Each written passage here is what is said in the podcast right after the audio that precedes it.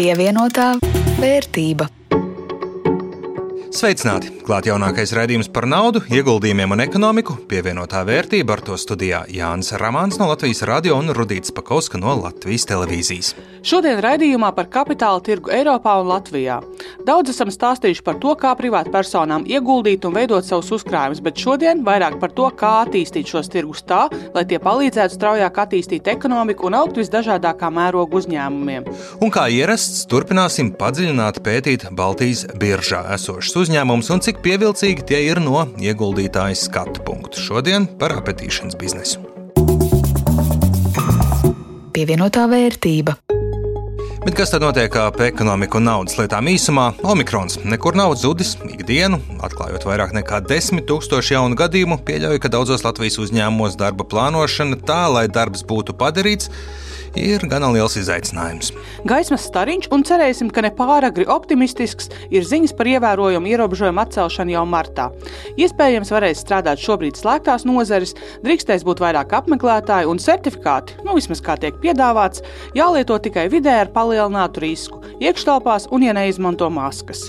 Un atrisināja arī divu nedēļu certifikātu plājas. Respektīvi, ja no 15. februāra daudziem certifikātiem beidzās derīguma termiņš, bet no 1. mārta tos vairs neprasīs daudz kur, tad tas neizklausās pārāk loģiski. Tur risinājums - termiņš pagarināts. Nu, un arī inflācija. Augsta, augsta, augsta. 7,4% janvārī Finanšu ministrija lēš, ka līdzīgs pieaugums būs visu pirmo pusgadu, bet Latvijas bankas ekonomiste Ieva Opmane prognozē, ka vissāpīgāk mēs visi izjutīsim pārtikas cenu kāpumu. Enerģijas cenu kāpumu ietekme no ar valsts izsludinātajiem atbalsta pasākumiem pārcelt uz gada vidu, bet pārtika paliek dārgāk jau šodien. Un jā, tā ir liela izdevuma daļa ģimeņu budžetos. Beidzot, pieminēsim to, par ko šobrīd šķiet vislielākais satraukums. Nu, nāksies, nāksies, jā. Ģeopolitiskais saspīlējums. Situācija pie Ukrainas mierīgāka nepaliek, attiecīgi vēl viens faktors, kas šūpo akciju tirgu un dzen uz augšu energoresursu cenas. Sankcijas pret Krieviju var skart arī enerģijas sektoru un jau arī bēdīgi slaveno Nord Stream 2. Runā arī par vēršanos pret Krievijas oligarhu aktīviem citur pasaulē. Tur, kas notiks tālāk, nu tikai skatīties un gaidīt. Pasaules nozīmīgākie biržas indeksi arī reaģēja uz šīm ziņām par pāris līdz 5% lejā, bet naftas, zelta un graudu cenas strauji augšu, kas nozīmē, saspīlējumam saglabājoties, aizdītajā nedēļā sasniegtie benzīna cenas rekordi varētu nebūt pēdējie. Šī nenoteiktība un draudu mākoņi noteikti nenāk par labu visam reģionam.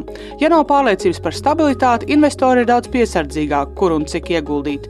Iedzīvotāji arī mazāk tic izaugsmes pilnai un labklājīgai nākotnē, nu un attiecīgi pietur tēriņus un uzliek uz pauzes nākotnes plānus.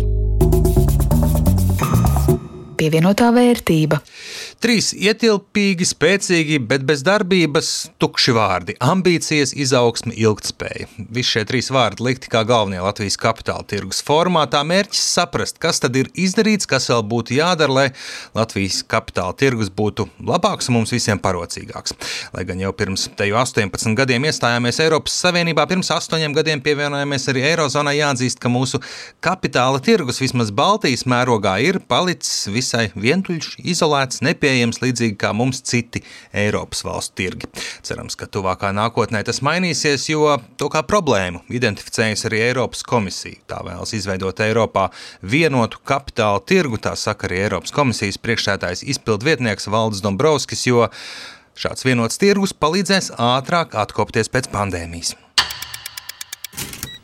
Attiecīgi, mums ir jāpātrina Eiropas Savienības kapitāla tirgus savienības izveide lai palīdzētu jaunu uzņēmumiem, veicinātu straujāku uzņēmumu attīstību un radītu vairāk iespēju Eiropiešiem droši investēt savā nākotnē.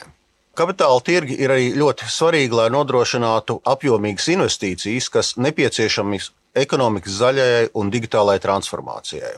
Jo zaļā un digitālā transformācija ir starp galvenajiem nākotnes ekonomikas izaugsmas avotiem.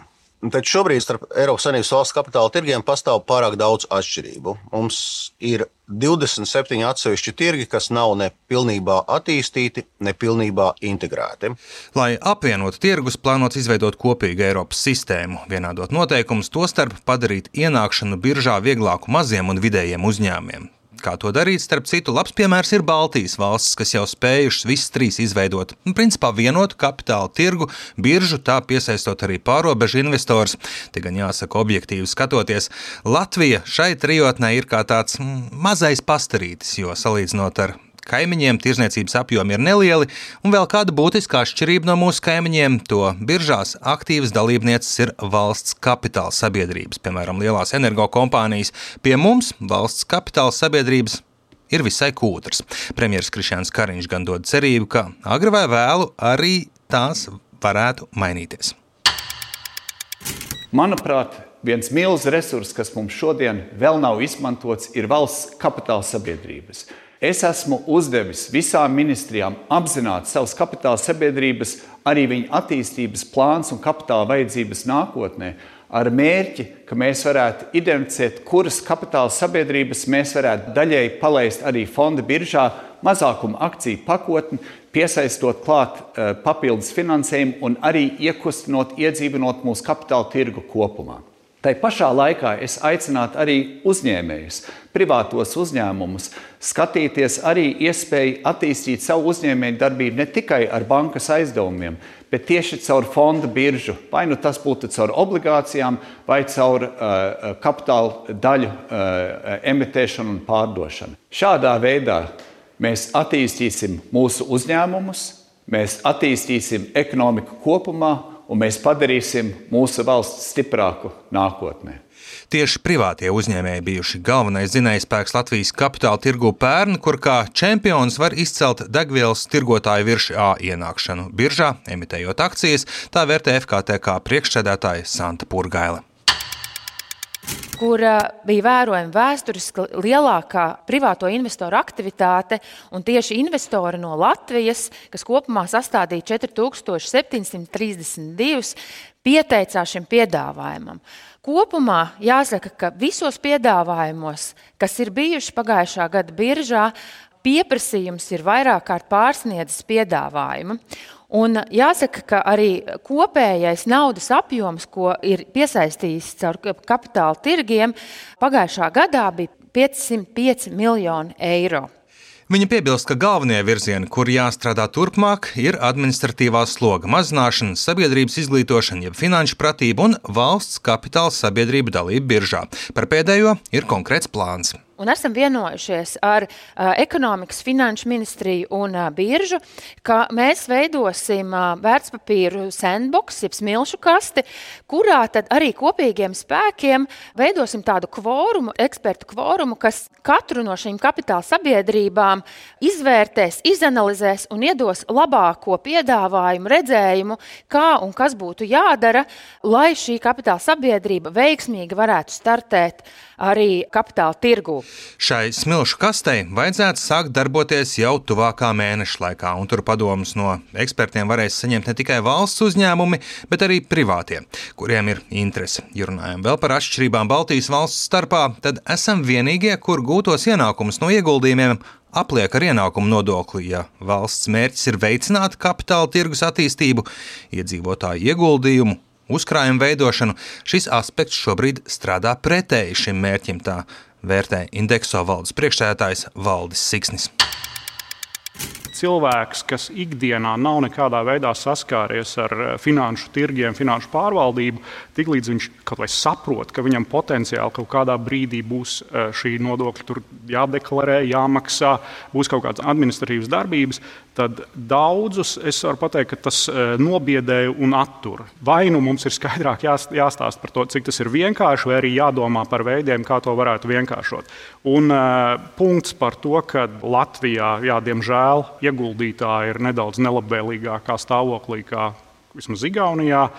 Es domāju, mēs arī būtu vērts padomāt par uh, vismaz īslaicīgu moratoriju, jo tas teiksim, uz valsts budžetu fiskāli nekādu iespēju neatstātu. Es domāju, ka ieņēmumi no Baltijas, vismaz Baltijas biržā gūtajiem uh, kapitāla pieauguma nodokļiem no privātpersonām ir ļoti, ļoti niecīga. Es domāju, ka kaut kāds moratorijas vismaz īslaicīgi varētu dot kaut kādu pozitīvu impulsu.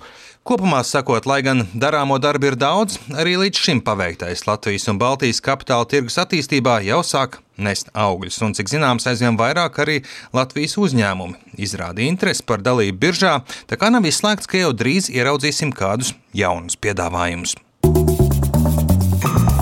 Pievienotā vērtība. Paturpinot par norisēm Baltijas biržā, kāda tad bijusi aizdītā nedēļa? Līdzīgi kā pasaules tirgos, gan mazliet mazākiem viļņiem, šis laiks ir visai mainīgs un nepastāvīgs.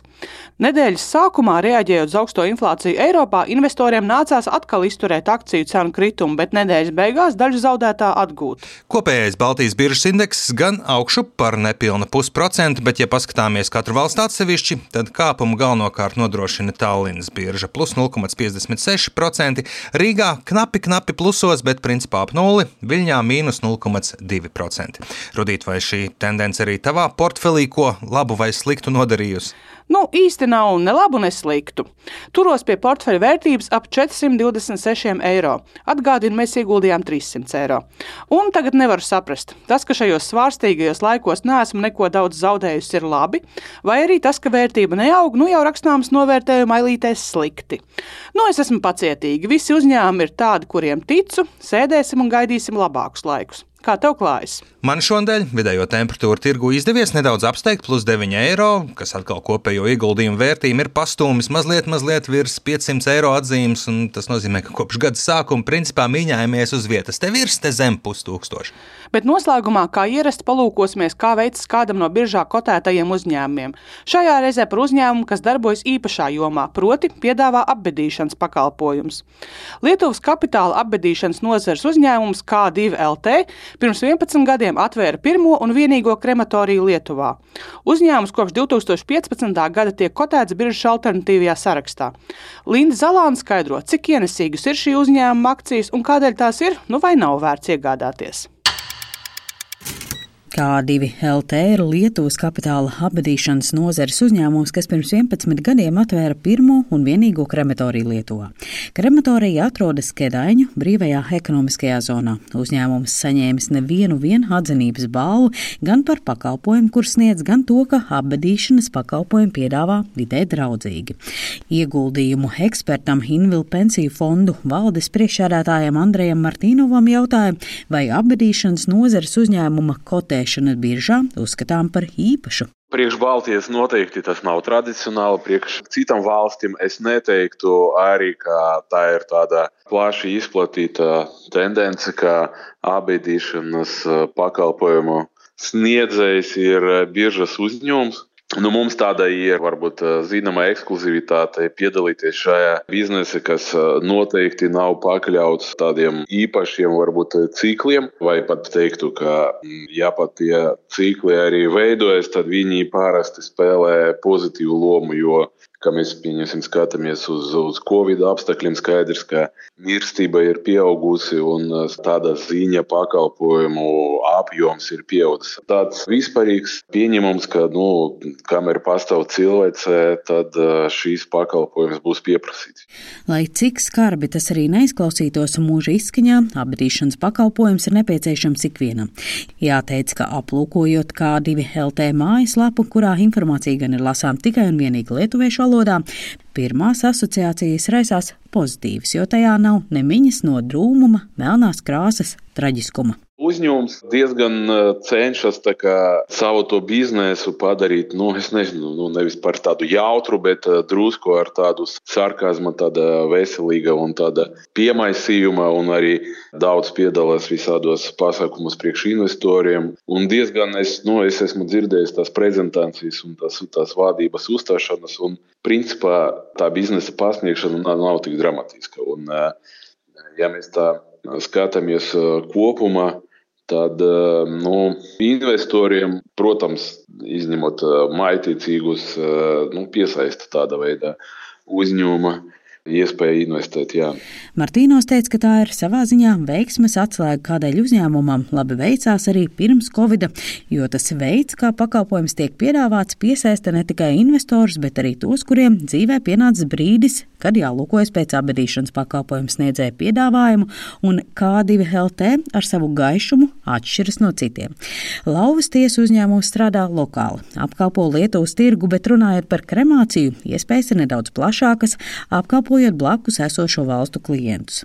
Tomēr kopumā uzņēmums nejūt lielu konkurenci, jo nav daudzi, kas sniedz kremācijas pakalpojumus līdz pat 2015. gadam, kad K2LT sāka darbību, visa kremācija notika Polijā vai Latvijā.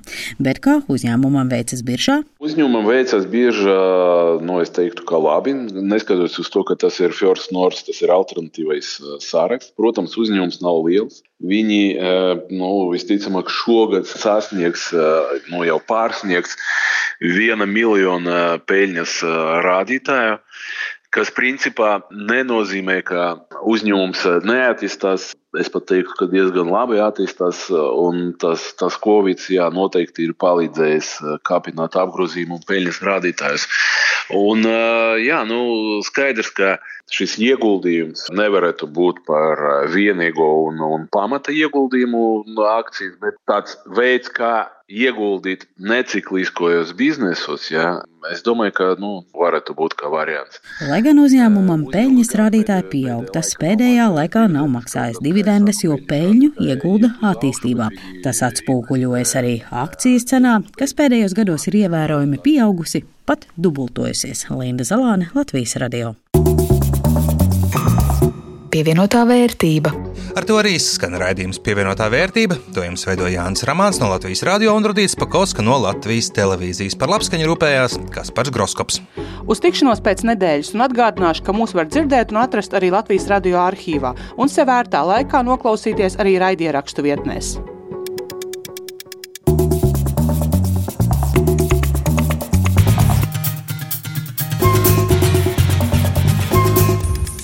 Pievienotā vērtība.